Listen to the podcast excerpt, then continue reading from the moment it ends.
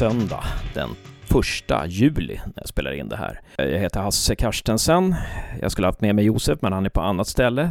Och eh, jag har försökt få med några andra också att sitta i en liten panel i det här avsnittet. Men eh, de är också på andra ställen. Det är ju så här på sommaren att det är svårt att, att få folk att synka. Folk är bortresta och gör andra saker.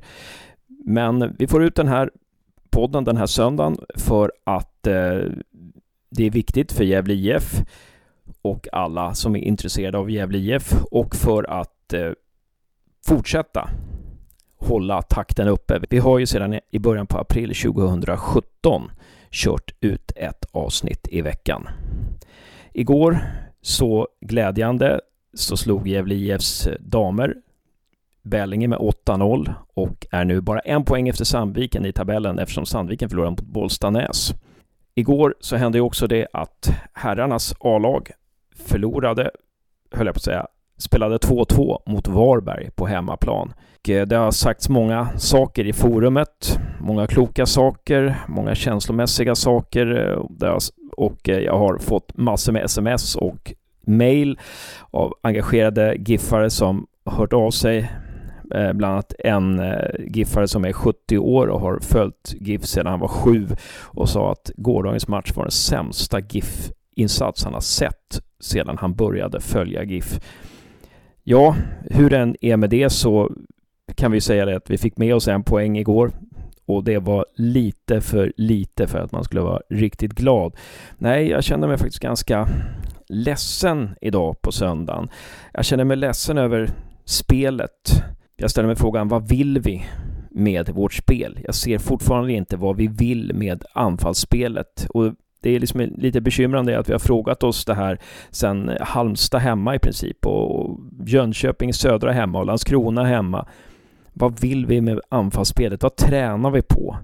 Vi kommer runt på kanterna, Kralj slår ett inlägg men det är ingen där på inlägget. Piotr går runt, Florén kommer runt och slår inlägg men det är ingen där. Var är löpningarna?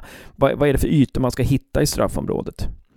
Eh, det här måste ju sitta nu när vi har spelat halva säsongen. Jag är också ledsen när jag ser måendet hos spelarna. Det är unga spelare som bor i Gävle utan familjer. Man, eh, man verkar inte tycka att det är kul på planen längre. Det känns som att man är rädd att misslyckas. Man tar en löpning, men sen man, vänder man tillbaka och låter någon annan ta ansvaret. Och det är synd att det är så. Jag är också ledsen över, över eh, den brist på aggressivitet som syns i spelet. Det behöver inte handla om en aggressivitet vid första press som Andreas Dahlén kommer komma in på senare i podden. Men det måste finnas en aggressivitet i varje moment, i varje zon, i varje, varje, varje liten lucka på planen så måste det finnas aggressivitet, att vilja vinna. Jag ser mest rädsla just nu. Och det gör mig ledsen. Jag är också ledsen när jag funderar på måendet hos tränarna och jag tänker att det är viktigt att man erkänner sina tillkortakommanden. Det är inte fel att inse sina begränsningar. Att ta hjälp där man själv brister, inte bara köra på. Vad kan vi göra annorlunda? Jag är också ledsen och bedrövad när jag funderar kring truppbygget, för truppen är ju helt klart felbyggd. GIF hade behövt en sportchef som scoutar tränare och spelare inför 2018. Det, det, alltså det skulle ha gjorts medan Poja var kvar och efter att Poja lämnat. Och jag tycker till och med att Poja skulle ha fått skriva in i sitt kontrakt med Blåvitt att han skulle vara med i processen att leta spelare och eh, eventuellt en tränare inför säsongen 2018. Poja har otroligt många kontakter. Och jag, jag, är ledsen för jag vet att så många jobbar hårt i GIF och gör ett bra jobb men att, att det här jobbet kommer ju att stånga sig blodigt eh, mot en, en, en kall eh, stenvägg så länge herrarnas A-lag underpresterar. Det är ju trots allt där det måste lyckas. Det är där sponsorerna kommer in. Det är där det är publikintäkter som där vi kan få in pengar och så vidare.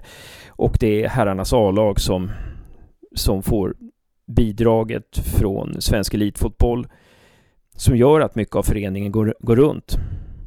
Och eh, jag är lite ledsen också över att damlagets framgångar hamnar i skuggan av, av eh, det som händer med herrarnas A-lag. Men det är ofrånkomligt. Eh, jag, jag, är också ledsen när jag betraktar Carrick-läktaren och alla som jobbar i Carrick-läktaren, så många ideella timmar som man jobbar med för att fixa aktiviteter och få upp engagemanget kring Gävle IF. Och eh, det märks ju att engagemanget eh, hos några av de som liksom, ja, ligger i ytter, ytterkanten av att ska jag engagera mig eller inte. De, det är engagemanget är beroende på av, av om det går bra för herrarnas A-lag eller inte. Det som behövs nu, det är att en herrtränare kommer in och tar över med Johan och Marcus som assisterande. Det behövs en ny röst som kan inspirera, leda föreningen framåt. Ja, vi måste ju helt enkelt vara rädda om elitverksamheten. För utan den så kommer alla att drabbas inom föreningen. Anställd personal, inklusive alla spelare och ledare och fans och sponsorer behöver få något att tro på helt enkelt. Vi, vi, vi ja, att få med sig folk in i framtiden, det handlar ju om att nära folks drömmar om att det kommer hända bra saker framöver och just nu så, så, så är många väldigt desillusionerade och tänker negativa saker och, och, och snarare väljer bort GIF för att GIF får en att må dåligt och så ska det ju inte vara. Nej, det behövs någon som kommer in och får oss att tro på att det här kan vändas att, och som bygger någonting inför framtiden. Det som Poja sa att han skulle göra och det som Per Lagerström sa att han skulle göra. Nu behöver det komma in någon som verkligen gör det.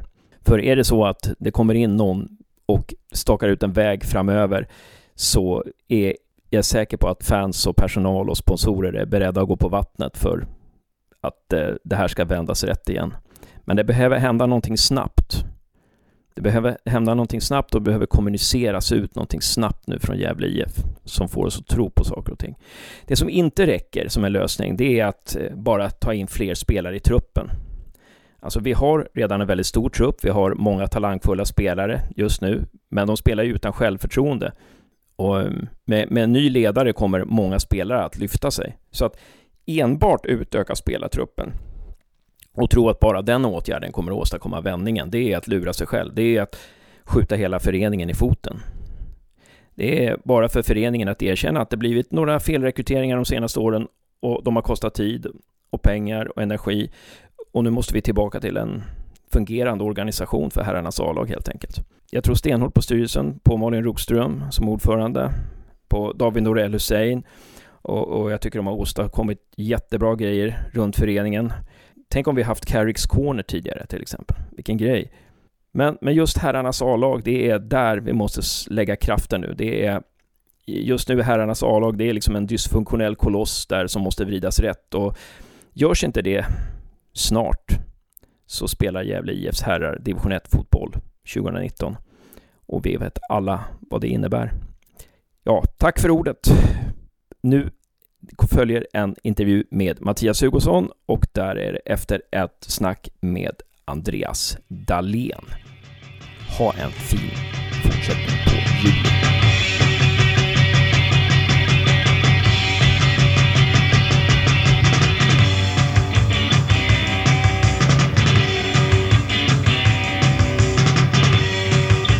Jättekul att du vill komma till eh, Carrick-läktar Kärkläktarens dag, eh, Mattias Hugosson. Välkommen! Tusen tack!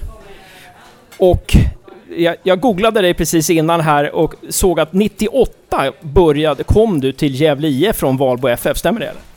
Eh, nej, jag kom från Forsbacka då. Okej, okay, okej, okay. det var fel alltså på Wikipedia där. eh, eh, men du, du har som, ja, för 20 år sedan kom du till Gävle i alla fall. Om du jämför Gävle IF med, liksom, som Gävle IF var då, eh, med, med saker och ting, med faciliteter och med personal och allting sånt där. Om du jämför dem med hur det är nu, vad, liksom, vad, vad skulle du säga? Eh, ja, det är alltså det är, den största skillnaden är, ligger kring arenan, arenan såklart. Eh, dock så tyckte jag Strömvallen var fantastisk på sitt sätt. Eh, ruggigt charmig och eh, det var mycket folk där så var det underbar inramning att spela. Eh, Gavlevallen är fantastisk på sitt sätt också, också va? men att eh, det är största skillnaden. Sen vet, har jag mindre koll på eh, runt omkring organisatoriskt med kanslipersonal och så vidare. Det är ungefär lika antal och så vidare. Att, eh, problemet är att man, inte, man, att man inte har växt så mycket större så att, så att, eh, som man hade hoppats. Mm. Trodde du att Gävle skulle växa lite i och med Gavlevallen och sådär eller? Alltså man hoppas ju det, men det är, det är i elitidrott eh, är så viktigt med framgångar och så vidare. Och, och eh, eh, så det, det, det, och det har vi inte lyckats få till efter flytten. Men att eh, det som skapar liksom möjligheter är att få, få lättare kanske få hit spelare som, som eh, ser ström, alltså Gavlevallen och eh, eh, möjligheterna som finns där och så vidare med träningsför, träningsmöjligheter och eh, ja, hur fint var det runt omkring. Va? Så att, eh, det är kanske lättare att få hit spelare än när man visar upp Strömvallen. Precis, då hade vi Pelle och vi hade Pelle, ja, under, ja, när vi hade legat i Allsvenskan några år så hade ju Pelle bevisat att spelare faktiskt utvecklades i Gävle, men man tog inte, Pelle tog nog inte med dem till omklädningsrummen där på Strömvallen. Nej, jag var inte med så, men att, eh, det gjorde de säkert, men att eh, Nej, de såg väl att det, det var ju många som över tid där kom till, till Gävle och, och lyckades eh, från en lägre nivå göra sig ett namn och ta sig vidare ut, eh, dels till andra allsvenska klubbar och, eh, eh, och även ut i Europa. Så att det har ju varit en, en, eh, en språngbräda för många. Så att, och det har, väl, har man säkert lyft såklart i, i övergångssnack och så vidare. Nu är du målvaktstränare i Gävle IF. Jobbar du på halvtid eller hur är det där? Ja men det hänger väl också lite ihop med, med klubbens ekonomi som det ser ut i dagsläget och, eh, och, och, även fram, fram, framförallt mina arbetsgivare som jag har idag. Jag jobbar som säljare eh, till vardags och eh, tar du bort mycket tid som sälj, det är ändå sälj som ska dra in pengar till ett företag. Så att eh, jag förstår företaget eh, och de har gått med på att att jag tränar två, tre dagar i veckan. Så att jag eh, försöker köra lite längre pass med målvakten då istället. Om du jämför målvaktsträningen eh, nu med hur det var för 20 år sedan i Gävle IF, vad, vad skulle du säga där? Skillnader, likheter? Jag jobbar inte så mycket jätteannorlunda mot vad Urban har gjort eh, med mig tidigare. Utan jag tror inte att det är så mycket, det, alltså det är inget hokus pokus att vara målvakt utan det, börjar, börjar hitta på andra saker och försöka, hin, försöka att du söker upp bollar istället för att låta bollarna komma till dig så liksom, det, då blir det jobbigt. Utan jag tror att eh, jobba med mycket basic saker och, och eh, så vidare. Sen är, har ju spelet utvecklats med, kanske med spelet med fötterna och så vidare, att man använder, använder sig av målvakten mer i, i, i många lag. Eh, vilket är jättekul. Eh, och det gick inte att använda på, någon som inte vet det, men Strömvallens gräsmatta var ju den var enormt dålig faktiskt. Den fick man ett hemåtpass där så var det 50-50 att det var läktaren eller en uppe i plan. Så den kommer att studsa bollen hela tiden. Så att eh, planerna är bättre nu och det går att rulla boll på ett helt annat sätt och så vidare. Så att, eh, det är det som utvecklas mest då, att eh, man använder målvakten i offensiva spelet mer. Och där ser man väl då med Viktor Frodig som har kommit in att han, han är väl kanske den mest spelande målvakten i Gävle IF under de sista 20 åren. Eh, skulle du hålla med om det eller?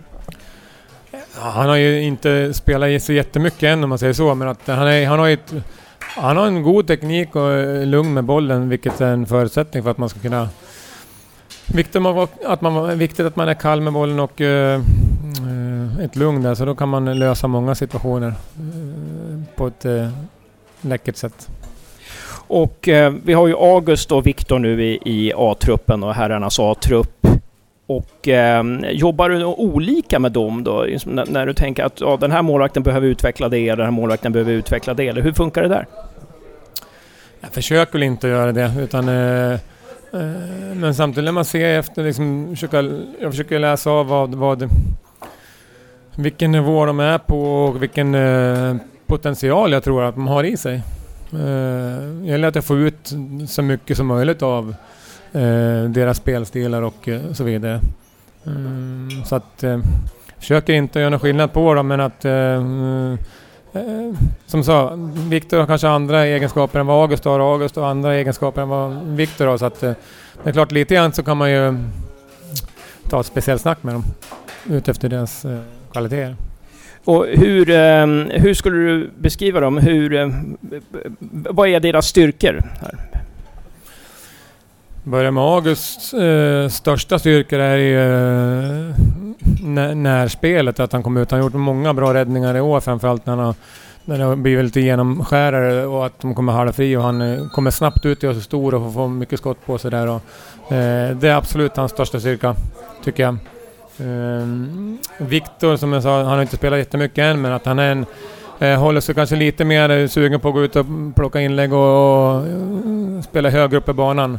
Eh, så att eh, han läser spelet bra och eh, försöker vara en aktiv målvakt, ja, vilket är bra. Och nu har ju Viktor, han var, stod ju senast och eh, vad, vad beror det där på att, ja nu plötsligt står Viktor så här. Beror det på att, att August har varit dålig eller beror det på att Viktor har visat någonting på träning som vi behöver? Framförallt så är det att Viktor har eh, gjort det bra. Han har ju, tycker i min värld, gett, eh, gjort sig förtjänt av en, av en eh, chans att spela. August har absolut inte helt spelat ut laget, men att eh, han tillsammans med backlinjen sista matchen tycker, tycker i alla fall jag har agerat på ett sätt som eh, inte, till, ja, inte räcker till, tycker jag personligen. Eh, och då kan det vara, kan det vara bra med ett, eh, eh någonting nytt där bak. Eh, Eh, men jag har inte gjort bytet om inte Viktor har gjort förtjänat chansen. Men det tycker jag han har gjort. Och det har inte funkat riktigt där bak säger du så här. Kan man peka på, är det, är det att vi inte har rätta spelarna som, som funkar tillsammans eller är det någonting i spelsystemet som inte funkar? Vad, vad är det? Kan man sätta finger på det?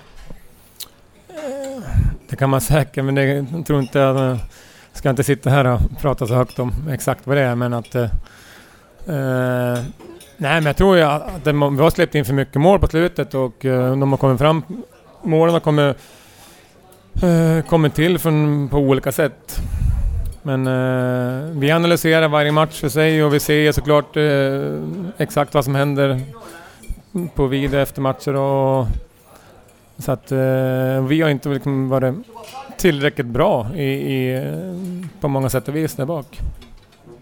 Eh, det var några som skrev på forumet där efter matchen, ja men nu, nu, sit, nu, nu ser vi i alla fall en struktur i försvarsspelet, det får vi ta med oss. Var det någonting som ni också kände efter Frej-matchen? Vi har självklart pratat om, om det, liksom. det. Det gör man ju dagligen varje vecka. Nöter på saker och ting. Men att eh, just de sista veckorna har det kanske varit lite mer problem än vanligtvis. Så, så lägger man kanske lite extra vikt i det då. Eh, tyckte det såg rätt okej ut sist faktiskt. Nej, men om vi skulle jämföra lite förra säsongen med den här säsongen, försvarsspel för målvakterna och sådär. Det som, det som är lite lika med förra säsongen, alltså under Thomas och lite den här våren, är att mo, mo, motståndarna har gjort sådana här kanonmål mot sådana här årets mål. Stått från 20 meter, liksom satt den i krysset. Är det, är det bara tillfälligheter eller är det... Vad säger du? Ja, jag kan till och med med hålla med om att det var några extremt vackra mål vi åkt på. Uh, Falkenberg gör vi en riktigt bra bortamatch mot och med en, alltså en volley i krysset från 22 meter liksom. Vilket inte händer så ofta.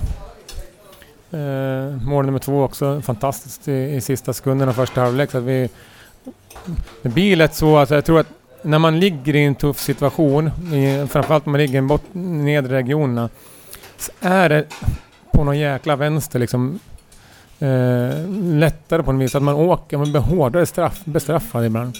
Sen är det så självklart också att man måste ha ordning och reda i sitt försvarsspel och så vidare och jobba hårt. Och, och ju mer rätt du gör och kämpa på och kämpa på, till slut så får du belöning. Eh, men vi har varit inne i en, i en fas i säsongen nu där vi har blivit väldigt hårt bestraffade. Vi har inte alltid gjort så dåliga prestationer, men vi har, som du sa där, vi har några fantastiska mål emot oss och det är svårt att försvara sig. Och om vi går till din egen karriär, det var ju ganska intressant att förra året så fick vi faktiskt i podden reda på som första eh, första mediakanal, då reda på att du var registrerad som, eh, du, du, var registrerad som målvakt då. Är du, är du registrerad i, i år också eller? Jag har dålig koll faktiskt. jag vet inte, men eh, det är inte omöjligt. Men, men att eh, jag har ingen koll på det, vi har inte pratat så mycket om det. Eh, kommer förmodligen aldrig bli aktivt av, av det, men att det är väl som sagt, det är, så, det är speciellt med målvakter. Va? När jag, fick, jag satt bänken också för några år sedan när, när Viktor var eh, två år yngre liksom, och hade knappt tränat med A-laget tänkte jag. säga. och eh, Andreas var skadad. Eh, det är speciellt målvakter. Man kan inte ha för många heller på lönelistan. Så att, eh, och blir det skador eh, när fönstret är stängt och du går inte att värva, då, då är det liksom tufft. Och det, man måste ta ett beslut. Då tog man ett beslut i, i föreningen att, liksom att det, kan, det kan vara jobbigt för... Hade Viktor fått hoppa in där och fått stått någonting för Emil hade gått sönder. Men det kanske inte har blivit schysst mot honom om han hade hamnat i ett jobbigt läge. Va? Som är jobbigt för i hans karriär. Att, eh, det är mycket man ska tänka på. Men eh, eh på, eh, jag, tror, jag vet jag tror inte jag är registrerad. Jag tror inte det. Om du skulle komma in i, om du skulle, om, om nu, gud förbjude, Mjällby säger nu före är både Viktor och August är borta, liksom, nu står Mattias här och han har licens. Eh, vad, är det, liksom, vad är det du har tappat om du jämför med när du la? Vad är, liksom, vad är det man tappar för någonting?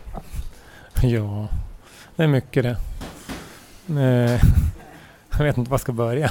Om vi tar bort det här med kondition och sådär, är det reflexer och sånt här också? Eller? Eh, garanterat. Reflexer, smidighet, eh, spänst. Eh, ja, komma ner på marken, slänga sig. Liksom. Ja, nej, men sen vet inte jag. Jag har varit med någon, förra året var jag med någon träningspass när det behövdes. Så förvånansvärt. Jag, blir lite, jag varit lite förvånad några gånger där att man, man eh, jag tränade på och det höll hyfsat faktiskt. Man är, sen, man är alltså långsammare så att säga. Men eh, man vet aldrig. Man, skulle, man kanske får kompensera det med att stå lite vettigare kanske. Vilket år var det du la av?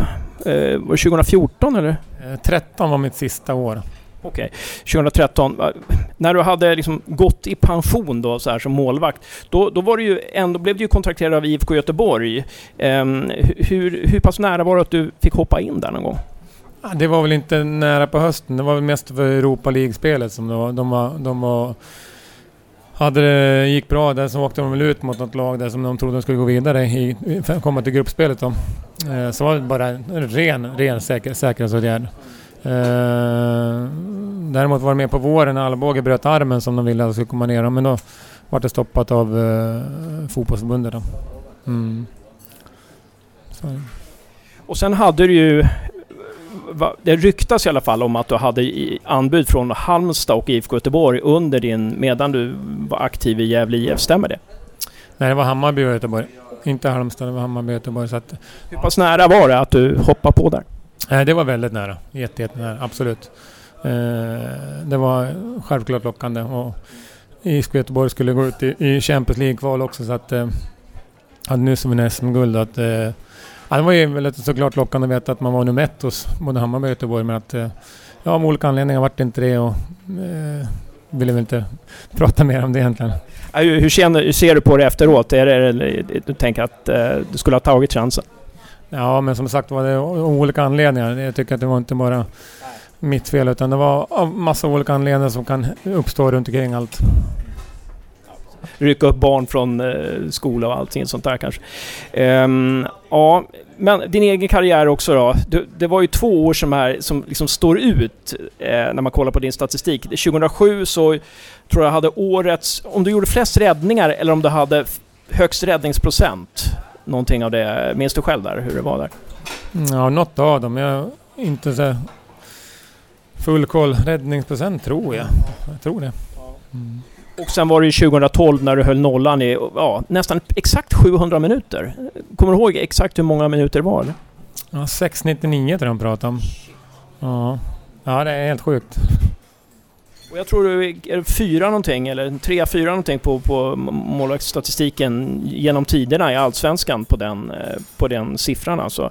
Ehm, men, ja, men de två åren, 2007 och 2012, står ju ut lite så när man tittar stati statistiskt. Är det också två år som du särskilt minns, eller?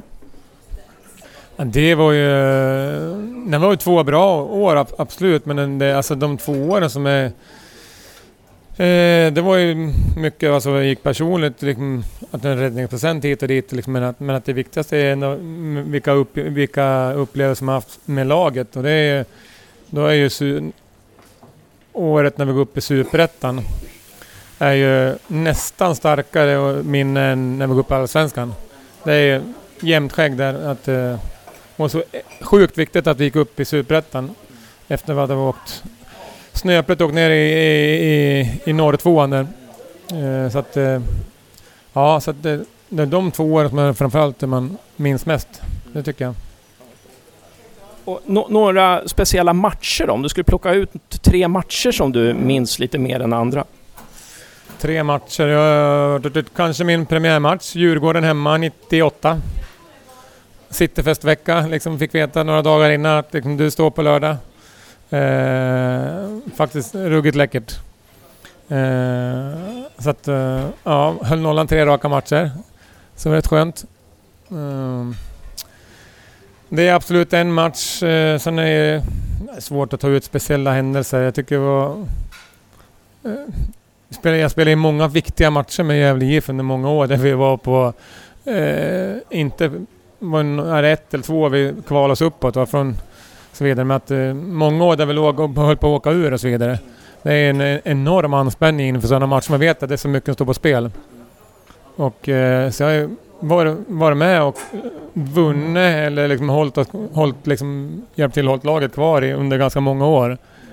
Och det är oerhört eh, härliga upplevelser faktiskt. Det låter på dig som du tycker att de här liksom, viktiga matcherna är, har gett störst behållning, att vinsterna är viktiga matcher hellre än de här liksom, kanske lite flashiga, vända 0-3 till 4-3 mot Malmö och lite sådana här saker. Den är ju givetvis med högt upp på listan. Det är men, men å andra sidan, det är, det är, man jobbar länge och man vet vad det innebär för lag och klubb och supporters och allting liksom att ligga i Allsvenskan och så vidare. Och så ligger man så har det en match kvar, två matcher, den sista matchen, varje match har du kniven på strupen. Och eh, du går liksom och förbereder och mentalt jävla liksom, du vet om vad varenda grej innebär. Eh, och att lyckas tillsammans, liksom utspela en som djur och en annan kan först göra någon räddning och så vidare och så, och så vinner med 1-0 liksom borta. Eh, och så liksom klaras kvar. Den känslan är ju liksom att, ja men jag har aldrig vunnit SM-guld men jag kan ju bara tänka mig att att vinna någonting är ju kanske mer positivt så, men att hålla sig kvar och kämpa där nere också... Ja, det är galet skönt alltså att klara det. Eh, så det har man fått uppleva ganska många gånger. Och sen så det här eh, 2012 då, när du höll nollan så himla länge. Hur känns det då när man håller nollan hela... När, liksom, när försvaret bara... Allting bara går liksom, eh, nästan av sig självt. Alltså, känner man sig oövervinnlig, eller hur? Hur, hur? hur kommer du ihåg känslan där? Ja, alltså det, det var ju varit en rolig grej. Först en, två, tre matcher liksom tänkte wow, fan det är fan starkt av oss att hålla nollan tre matcher. Men sen går vi in och vinner fyra matcher och börjar liksom media börja prata om det, motståndare börjar prata om det. Kommer ihåg höll nollan nere mot Malmö, var det match 15 nollan tror jag, men den kommer fram efter matchen. Hur många nollor har du haft nu liksom? Motståndarna så att då börjar det bli en, en, en riktig grej av det. Och, uppmärksammas med ja, så rikspress och till slut blir det en, en grej inom laget såklart och kul om vi kan liksom göra ett rekord eller få till ett rekord. Eh, tyvärr så gick det väl för bra nere mot Gais där vi ledde med 3-0 på och så eh, sen rökte efter fyra minuter i andra halvlek så att ja, det var kul att vara kvar. Eh, hållit nollan där nere, då hade vi hemmamatchen mot Gais tror jag. Då hade vi kunnat räcka med 50 eh, minuter i den matchen så var det rekord i slaget då. Men så vart det inte. Men äh, tro, nu, det plingar lite här för vi sitter på en pizzeria, det är därför det plingar här. Det är inte Mattias som har glömt stänga av mobilen, utan det, det är bara så.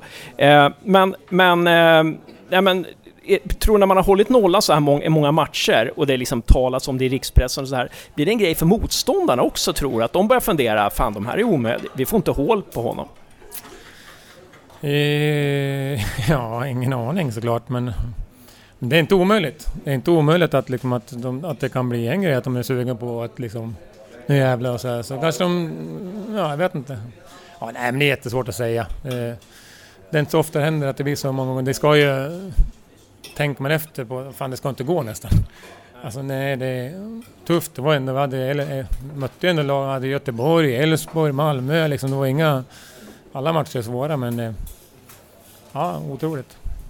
Men och sen så den här säsongen 2012. Det var någon spelare som sa, jag kommer inte ihåg vem det var, men att vi fattade nog inte i GIF hur bra vi var. Alltså, att vi hade nog kunnat hö komma högre upp om vi hade haft, eh, ja, lite sådär. Känner du igen den eh, tanken så här, att vi, vi Ungefär att vi, vi, vi, vi, vi insåg att vi är bara Gävle, så vi, vi kommer nog inte komma så högt upp. Eller att tror du att det berodde på att, man, att klubben inte hade vant sig liksom vid tanken att vara topplag? Att det lite spelade in? Att vi förlorade några matcher i rad där och sen och dalade lite? Mm, ja, ja, kanske. Jag vet aldrig. Liksom. Det, är, det, det är ju...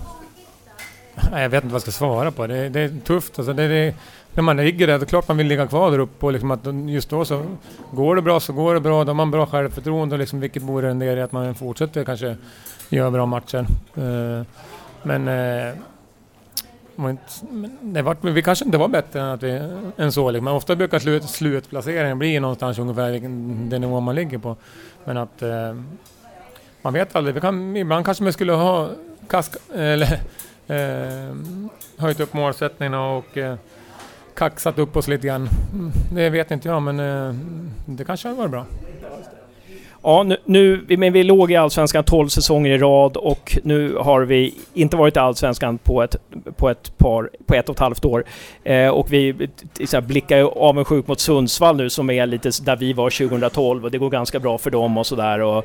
Eh, så vad, vad, tror du det krävs nu för att Gävle IFs herrlag ska ska, ska börja hota och ta sig upp, eh, i to, ta sig upp i Allsvenskan igen? Va, va, va, vilka faktorer är det som måste liksom funka?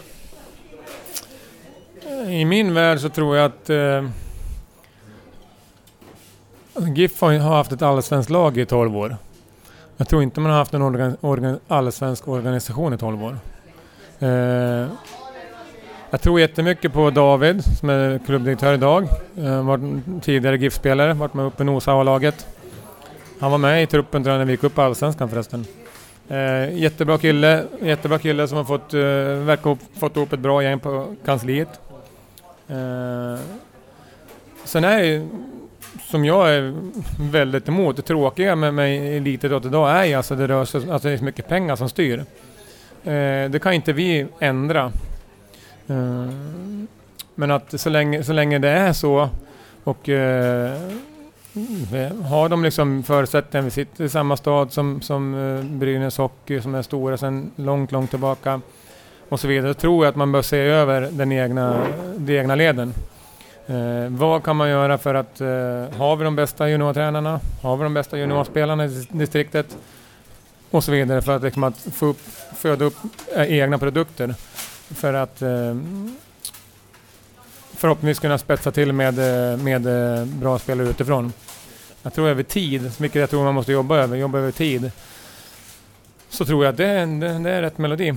Så, att, så vi får hoppas att de kan få till det var en väldigt intressant tanke. Det är inte någon tror jag som i podden eller inför oss här, Carrick-läktarna, har sagt det förut. Att det är naturligtvis att det, det är en väg eh, som låter helt logisk att man får fram egna produkter naturligtvis. Som, som, då behöver man inte det här kapitalet utifrån och då kanske man kan genom det få ett eget kapital och så vidare. Så, um, ja men bra, men känner du att, det, att David är på spåret? Att han uh, spinner på de tankarna? Här?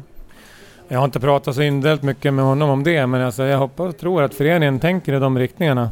Eh, det, det, tror jag. Man har, man har anlitat en eh, akademiansvarig till i år, Joakim Karlsson, gammal eh, tränare i Gävle IF eh, och så vidare. Så att, eh, sen, jag, jag har liksom inte hundra koll på, på exakt hur juniorverksamheten fungerar och eh, för jag är inte där dagligen och tittar på dem. Men att eh, just över tid och se över liksom, alltså, alltså, vilka är de bästa tränarna? Hur ska vi få hit dem? Eh, vi, var, vem kollar på de bästa spelarna i distriktet? Hur ska vi få hit dem? De ska komma till Gävle IF och känna att wow, här är någonting riktigt bra. Uh, jag tror att det är rätt melodi. Sen om det är rätt melodi eller inte, men det, det får jag låta vara osagt. Men jag tror det är rätt. Suveränt. Tack Mattias. Eh, hoppas att David lyssnar på nästa podd. eh, har vi en fråga till Mattias innan han behöver gå till Gavlevallen och jobba? Har vi någon supporterfråga där? Det var, alla, har, alla har slagits liksom av, en, av någon slags... Eh, slagits som av en klubba i huvudet här. eh, jag vill passa på och, Jag tror inte jag gjorde det. Jag tror inte jag gjorde det riktigt. Lite pinsamt sent kanske. Men eh, ni som var på Gavlevall, eh, Strömvallen på min avtackning, avskedsmatch. Stort tack för eh, banderoller och så vidare. Det jobb ni gjorde. Väldigt uppskattat. Jag tror inte det kommer något jag tror inte det har kommit något offentligt tack från min sida. Jag är dålig på mediala saker och så vidare. Men eh, ni som var där och så vidare, grymt uppskattat. Fortsätt kämpa. Tack Mattias Hugosson. Tack för att du ställde upp. Tack.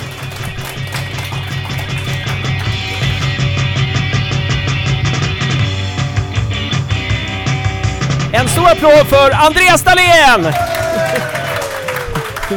Kände du värmen och kärleken där? Ja, det behövs nu för det var kallt här annars. Det var väldigt kallt. Om vi ska gå på matchen här. Vi, vi eh, pratar nu 30 minuter innan Gävle IF spelar mot Varberg. Och hör ni någon som pratar i bakgrunden där så är det Peter Bornegrim som står och säljer sin öl. Men 30 eh, minuter tills Gävle eh, spelar mot Varberg här. Vad är dina förväntningar på matchen, Andreas? Ja, jag, jag, är lite nervös. Förväntningarna är inte mer att jag hoppas det måste bli tre poäng. Så att, äh, jag, jag är nervös faktiskt.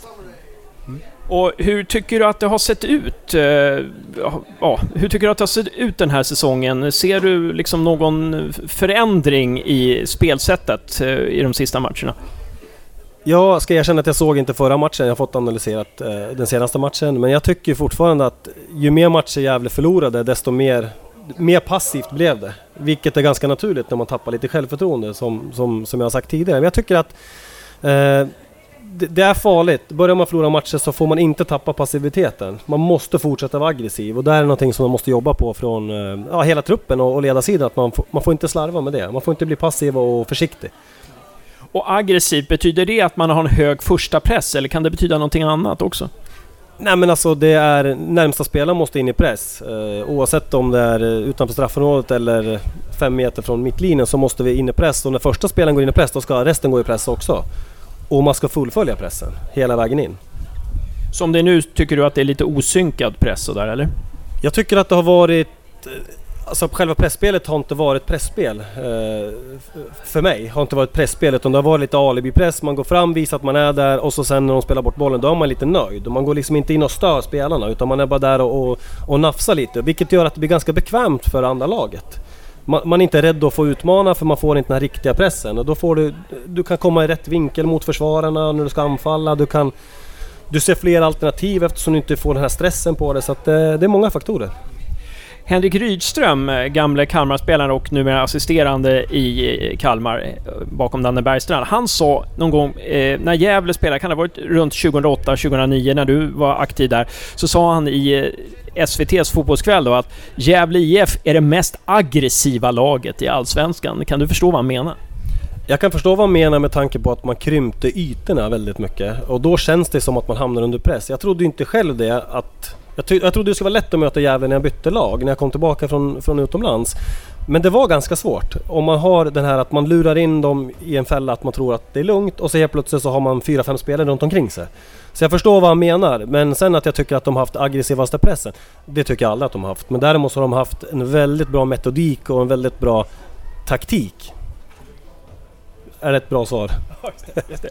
Och du har precis förra, för, eh, förra veckan, eller förra matchen, förra hemmamatchen, så pratade vi med Anders Wikström här och då eh, berättade han att hans moderklubb är Brynäs IF och det är också din moderklubb Ja, precis. Växte upp vid Måsberget så att det var hela somrarna på Måsberg och eh, vintrarna på Brynäsvallen. Och eh, det gick ganska bra för Brynäs IF där ett tag. Eh, eh, ja, det, det, det kändes som att Brynäs var liksom utmanaren, en, en ganska allvarlig utmanare till GIF där ett tag. Håller du med om det eller? Uh, ja, kanske inte en utmanare till GIF, men däremot så var vi ju... Vi vann ju fyran obesegrat. Vi var, hade startade halva säsongen i trean obesegrade. Eh, vi utmanade Sandviken ganska hårt. Eh, de ramlade ju sen ner också någon division så vi mötte dem även Sandviken i division 3. Så, så långt ner var Sandviken på den tiden.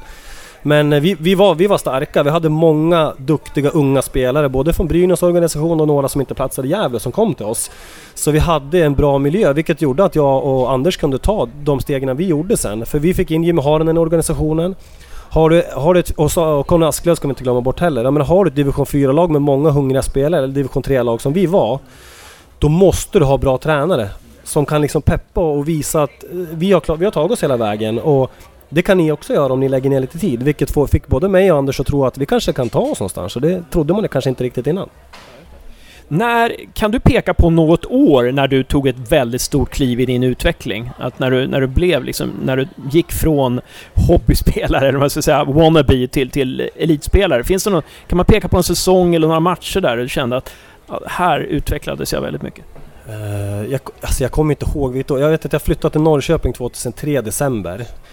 Och 2001 två där så började ju både Norrköping och Gävle bli lite intresserad. Och jag fick spela en testmatch med Norrköping, jag fick test, spela en testmatch med Gävle IF mot Reading. Jag vet inte hur många som kommer ihåg den matchen, det är ganska länge sedan. Ja, du ser. Ja, det är ganska länge sedan. Vi, vi spelade 1-1. Eh, jag kom in andra halvlek där så att då kände man att, eh, ja men du det kanske jag kanske har någonting ändå som att göra att jag kan bli fotbollsspelare. Så innan dess så trodde jag kanske inte riktigt på det egentligen. Hur kommer det sig att det blev Gävle och inte Norrköping då? Det blev Norrköping och sen blev det Gävle senare. Nej men det var så här att jag, det var på den tiden att eh, både Gävle och Norrköping var intresserade och från Gävlehåll var det mer att vi får se till hösten om det blir någonting och det var inga garantier och sen så hörde Norrköping av sig och kom ett konkret erbjudande.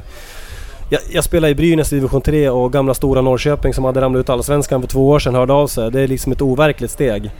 Eh, det, det, var inte så mycket att fundera på. Det, det var fantastiskt häftigt men rent krasst kanske jag inte var redo för det egentligen. Men det var tufft. Och hur blev det Gävle sen då? Eh, jag gjorde ju tre säsonger i Superettan, två i Norrköping, en i Umeå och sen så hörde ju då Gävle av sig. Eh, gjorde någon provträning och sen så blev det kontrakt och som sagt det var, det var nog det lättaste beslutet jag någonsin har tagit. Att få flytta hem till Gävle och spela Gävle IF. Det var, äh, det var en dröm såklart. Och mellan vilka säsonger var det du spelade i Gävle? Jag spelar 7, 8, 9 i Gävle. Och eh, det lättaste beslutet. Och det var en av de sista matcherna du gjorde ditt första mål va? Var det inte så?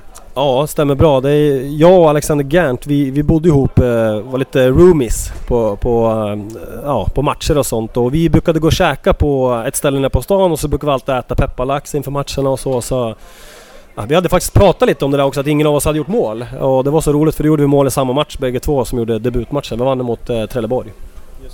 Ja. 2-1 va? Ja, eh, eller vart det 3? 2-1, 3-1, jag vet inte. Jag gjorde första, han gjorde något ett eller två till sen. Så att det var proppen nu för han där. Jag tittar på Josef här, men han... 2-0 säger Josef, ja. Um, ja, ja, just det. Och sen, och sen så var det av vidare i karriären där. Fanns det, var det, var, var det liksom, eh, var det ingen snack om att du, du, du, tänkte dra vidare liksom? Det var äventyret som, som lockade eller fanns det någon, velade du någon gång där att stanna kvar i Gävle? Jag var inte alls långt ifrån att skriva på för Gävle eh, då, där 2009. Men då var det samma veva igen. Då var det liksom Hansa Rostock. Eh, gammalt svensk fäste som hade ramlat ur Bundesliga. Jag tycker liksom inte att det, det, var ingenting att fundera på heller. Det var en stor klubb. Eh, alltså rent sportsligt otroligt häftigt. Så att det var... Eh, nej, det, ja, det är otroligt häftigt. Och när du kom tillbaka till eh, det var någon applåd för någon. Det var någon in, intern grej här. Så ni lyssnare har inte missat någonting. Eh, men eh, när du kom tillbaka till Allsvenskan då, till, till Djurgården och Åtvidaberg. Hade du blivit en bättre fotbollsspelare och, och på vilket sätt i så fall?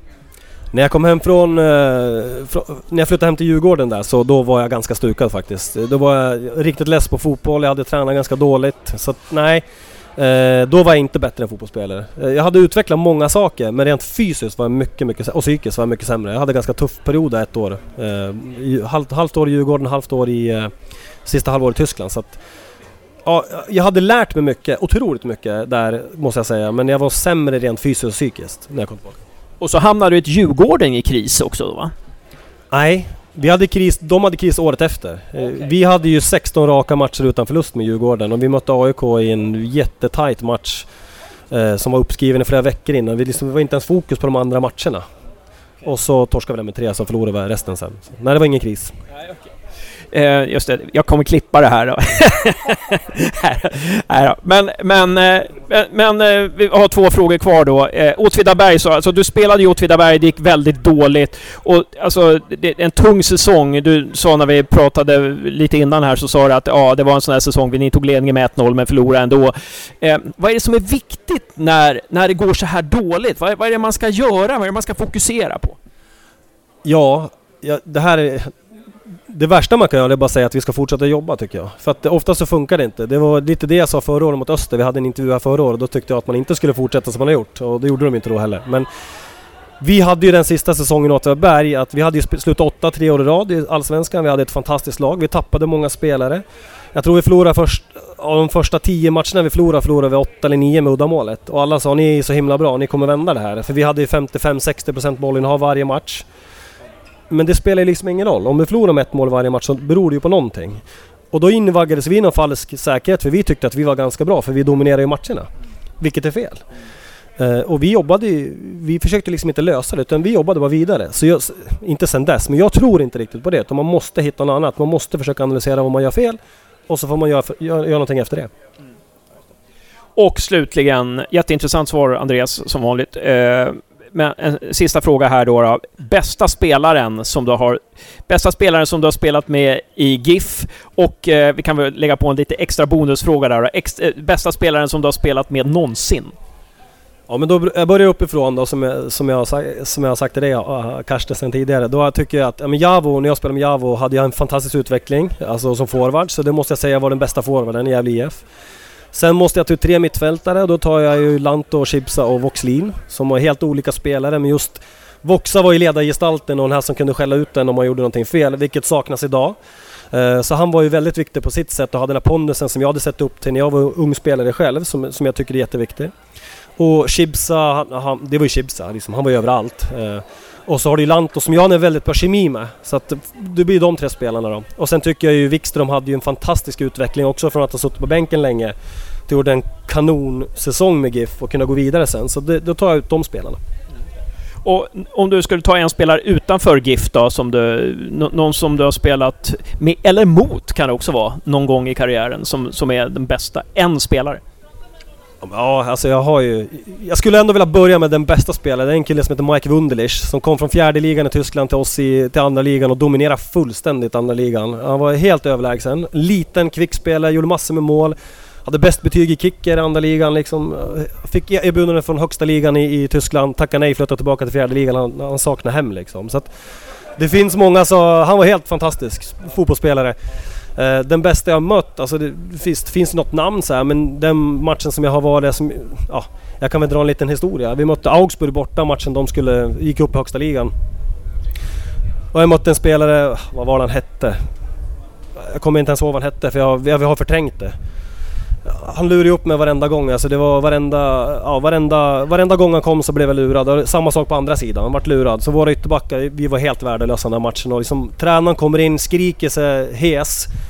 Pekar på mig, han pekar på den andra högerbacken och säger, frågar oss rätt ut liksom så här, Är det någon av er som behöver en kompass liksom? För ni är för fan fel hela jävla tiden liksom, säger han. Så att, äh, ja men äh, jag, jag kommer inte ens ihåg vad den här spelaren hette. Men han var bra. Får jag säga så? Högrytter i Augsburg 2012, 11. Kolla inte upp det gärna. Kolla, ju, äh, jätteintressant Dalle. Vi, vi, gör så att lyssnarna får, de som lyssnar på podden får kolla upp det och den som vinner det vinner en signerad bok av Erik Niva. Eh, ja. Eh, stort tack eh, Andreas Salén. Tack så hemskt mycket att jag fick vara här. Tack för att du kom.